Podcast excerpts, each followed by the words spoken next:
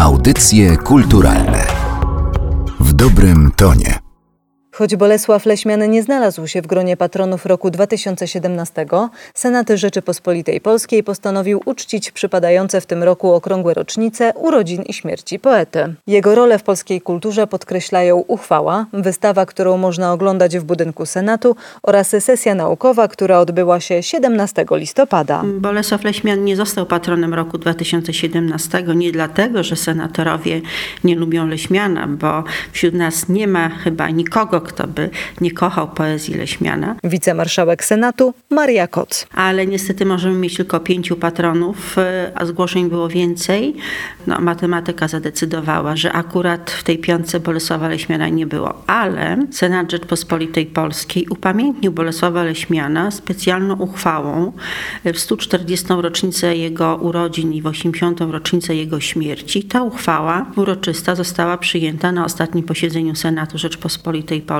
Za przyjęciem tej uchwały zagłosowali wszyscy senatorowie i było to jedno z wydarzeń poświęconych Bolesławowi Leśmianowi, wydarzeń, które odbyły się w Polskim Senacie. Piękna wystawa przygotowana przez Instytut Badań Literackich Polskiej Akademii Nauk i Narodowe Centrum Kultury i bardzo dziękuję obu tym instytucjom za przygotowanie tej ekspozycji, która przybliża nam właśnie życie Bolesława Leśmiana i jego niezwykłą twórczość i w ogóle taki fantastyczny świat, w którym żył, bo przecież z jednej strony był notariuszem, ale wiem, że tego zawodu nie lubił, wykonywał go no, z bardzo prozaicznych y, powodów, ale bez serca, z drugiej strony ten piękny, soczysty, rozbuchany świat poezji. I to jest niezwykle ciekawe, że właśnie wystawa pokazuje go w tych dwóch odsłonach, ale przede wszystkim pokazuje go jako poetę. I dzisiejsza konferencja z uznanymi naukowcami, badaczami,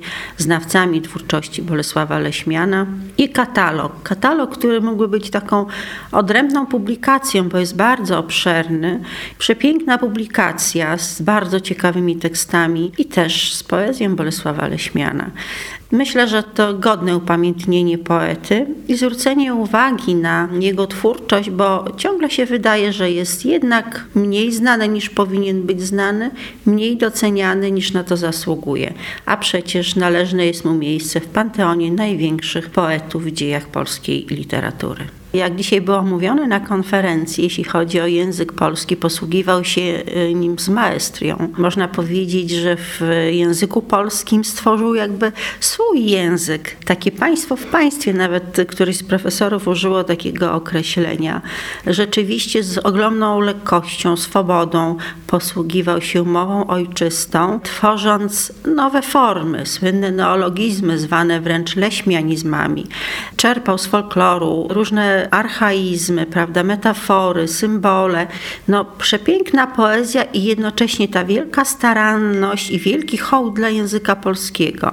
Kochał język polski i potrafił właśnie z taką maestrią, mistrzostwem się tym językiem posługiwać, co jest niezwykle ważne, zwłaszcza w dzisiejszych czasach, kiedy no, zdarza się przecież, że trochę niechlujnie mówimy i kaleczymy język polski, język ojczysty i tutaj na jego jakby czystość taką szlachetną formę powinniśmy jak najczęściej zwracać uwagę. Wystawa jest związana z dwoma okrągłymi rocznicami urodzin i śmierci. Dyrektor Narodowego Centrum Kultury profesor Rafał Wiśniewski. Można by dodać jeszcze jedną, e, może mniej czy bardziej zasadną rocznicę, mianowicie minęło 105-lecie publikacji jego pierwszego tomu poetyckiego pod tytułem Sad Rozstajny, wtedy jeszcze prawie nie zauważony przez krytykę. Leśmian stawiany jest dziś na najwyższych piedestałach pod względem mistrzostwa języka. Porównywany bywa do Jana Kochanowskiego czy Adama Mickiewicza. Znawcy zachwycają się głębią jego filozofii i niezwykłością obrazowania. Miłośnicy zaś bogactwem wyobraźni, nowoczesnością i po prostu pięknem jego wierszy, w tym niezwykle urokliwych erotyków. Poezja Leśmiana, która przecież nie uchodzi za najłatwiejszą, szturmem zdobyła także szczyty kultury popularnej. Jego wiersze śpiewali i śpiewają tacy artyści jak Marek Grechut, Czesław Niemen, Ewa Demarczyk, Magda Umer, Stanisław Sojka, Hanna Banaszak, Grzegorz Turnał i dalej, dalej, dalej. Ta lista nie jest zamknięta, co może tylko oznaczać, że twórczość poety jest ponadczasowa i ma charakter uniwersalny. Już w 1958 roku Jacek Cznadel nazwał go największym poetą polskim naszego wieku.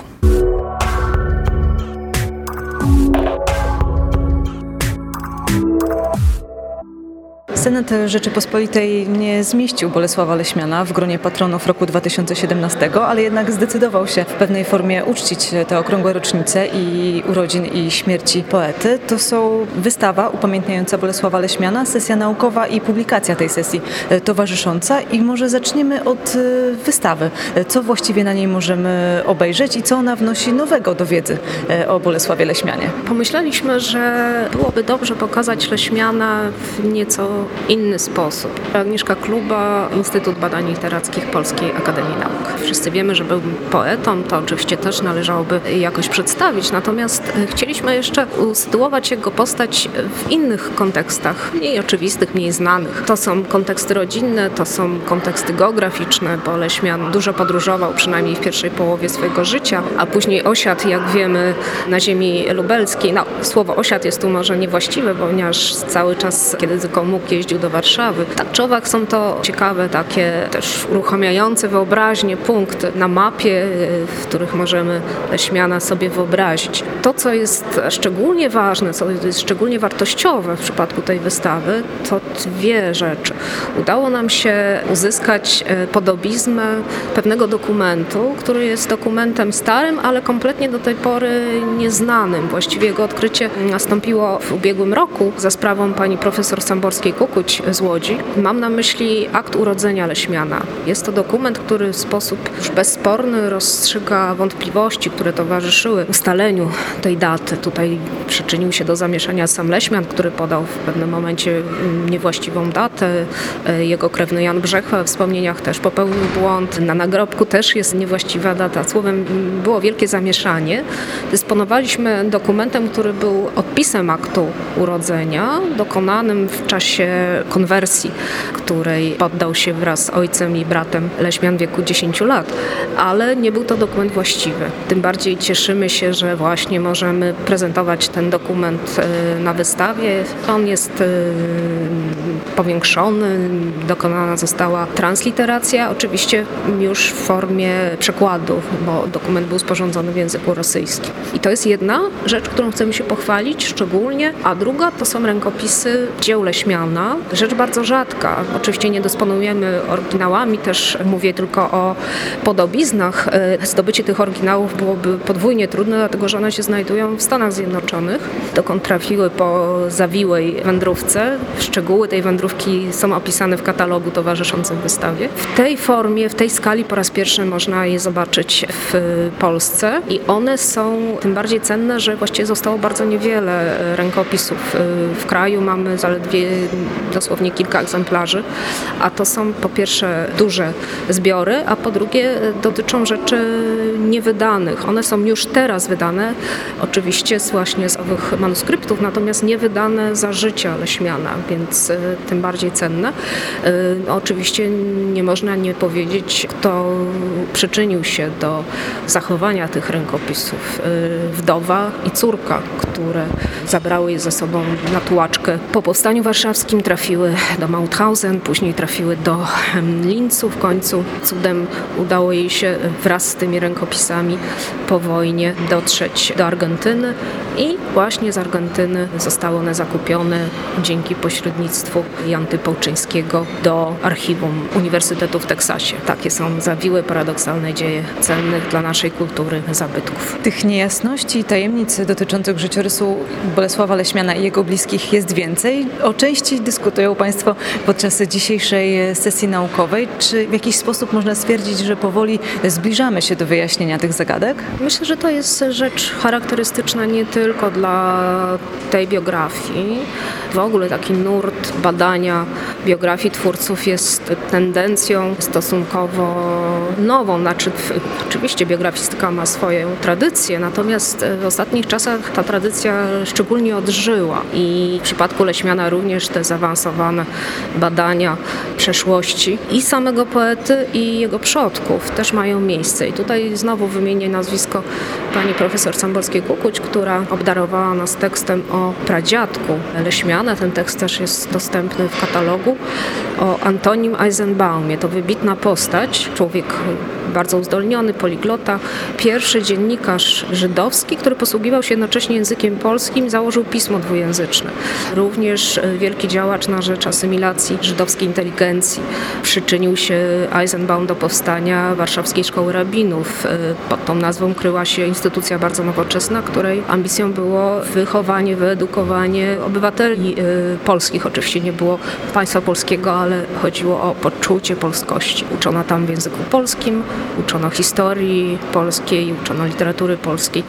Eisenbaum był nie tylko przodkiem Leśmiana, Langego i Brzechwy, o czym wiedzieliśmy, ale dzięki ustaleniom pani profesor wiemy, że również Henryk Eisenberg, wybitny filozof, znawca stoicyzmu, wywodzi się z tego rodu. Mając takie zaplecze, takie korzenie, no nie można było nie być geniuszem, myślę o Leśmianie. To był poeta, który był bardzo głęboko osadzony w kulturze filozoficznej, w kulturze myślenia europejskiego. Tego nie widać na pozór, bo te wiersze właśnie dlatego zjednują tylu czytelników. Są piękne, są ciekawe, ujmują frapującą narracją, są zabawne, o tym dzisiaj też była mowa, że budzą śmiech, ale jednocześnie to wszystko mimowolnie przyprowadza nas do kwestii o zupełnie innej wadze, o tej wadze największej właściwie, dotyczącej spraw elementarnych, filozoficznych, sensu istnienia, sensu umierania, podstawowych e, wartości, miłości, uczuć. Emocje to jest też e,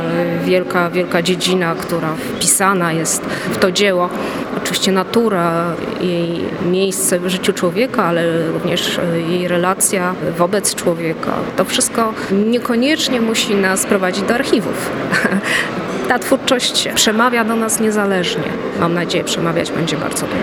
Wydaje się, że humor to jest e, taka cecha, która pozwala twórcy czy poezji, czy literatury e, zjednać w sobie wielu czytelników. Jednak Leśmian za swoich czasów nie był poetą szczególnie docenianym. Jak to się stało? Nie był docenianym, bo tak było ze wszystkimi pisarzami, którzy wyrośli z Młodej Polski i pisali w międzywojniu. Tomasz Pochański z Uniwersytetu Łódzkiego. W międzywojnie całkowicie zmieniło i czytelników, i literaturę. I Leśmian potrzebował czasu, żeby dotrzeć do tych czytelników. Ale to tak zwykle jest. Kiedy się nie trafi z zainteresowaniem swój czas, którym żyjemy, to potem późno nadrobić ten stracony moment. I tak było z Leśmianem, tak było e, z Witkacym e, i tak też można po części powiedzieć, że było z Szulcem, e, który bardzo późno debiutował. Oni wszyscy wychodzili z literatury wcześniejszej, więc może dlatego na początku nie znajdowali swoich czytelników. Humor jest oczywiście takim dość grząskim terenem, ponieważ tu chodzi nie tylko o takie utwory, które wywołują uśmiech i śmiech w ogóle, ale takie, które wywołują zamyślenie szczególnego rodzaju, zdystansowane. Humor niekoniecznie musi się kończyć śmiechem. Jest takim dystansem do istnienia i poczuciem śmieszności, która niekoniecznie musi być bardzo śmieszna. Jaką rolę Bolesław Leśmian odgrywa w polskiej kulturze? No to jest najważniejszy poeta pierwszej połowy XX wieku. Najbitniejszy zdecydowanie. On niezwykle oryginalnej osobowości. To jest również poeta, który przenosi głęboką tradycję symbolizmu francuskiego, w ogóle liryki francuskiej e, do kultury polskiej. To właściwie jedyny prawdziwy polski symbolista i to taki, który jest dyskretny, którego obrazy nie są jednoznaczne. Więc jego subtelność, wyrafinowanie, poczucie humoru, genialny słuch poetycki to są cechy, które są ważne. No jest jeszcze jedna taka cecha. To poeta, który zachowuje nadal, mam nadzieję, że nadal, kontakt z czytelnikami. To nie jest poeta hermetyczny dla pięciu osób. Chociaż on sam uważał, że sztuka i literatura są tylko dla wybranych. Znaczy słowo wybrani, no tak, to też wracamy do tego, czym jest kultura w ogóle. No w kulturze pewne hierarchie jednak istnieją, intelektualne i artystyczne. To przekonanie, że każdy może z łatwością wejść w świat e, poetycki jest dość naiwne, ale jest druga strona. Pewien wysiłek, wykształcenie i oczytanie pozwala wejść w ten świat, więc to są ci wybrani, których się zaprasza do ogrodu literatury. A może ci, którzy do tych wybranych nie należą, też mogą czytać poezję Leśmiana, po prostu odbierać ją inaczej niż ci, którzy wiedzą na jej temat więcej. Tak, oczywiście. Jest nawet tak, że rozum nie pozwala usłyszeć Leśmiana. Tak, Stępowski pisał o tym, że zbyt wiele dzisiaj rozumiemy, za mało słyszymy. Więc oczywiście melodia i sposób opowiadania i obrazy są dla każdego. Nie ma tam wybranych.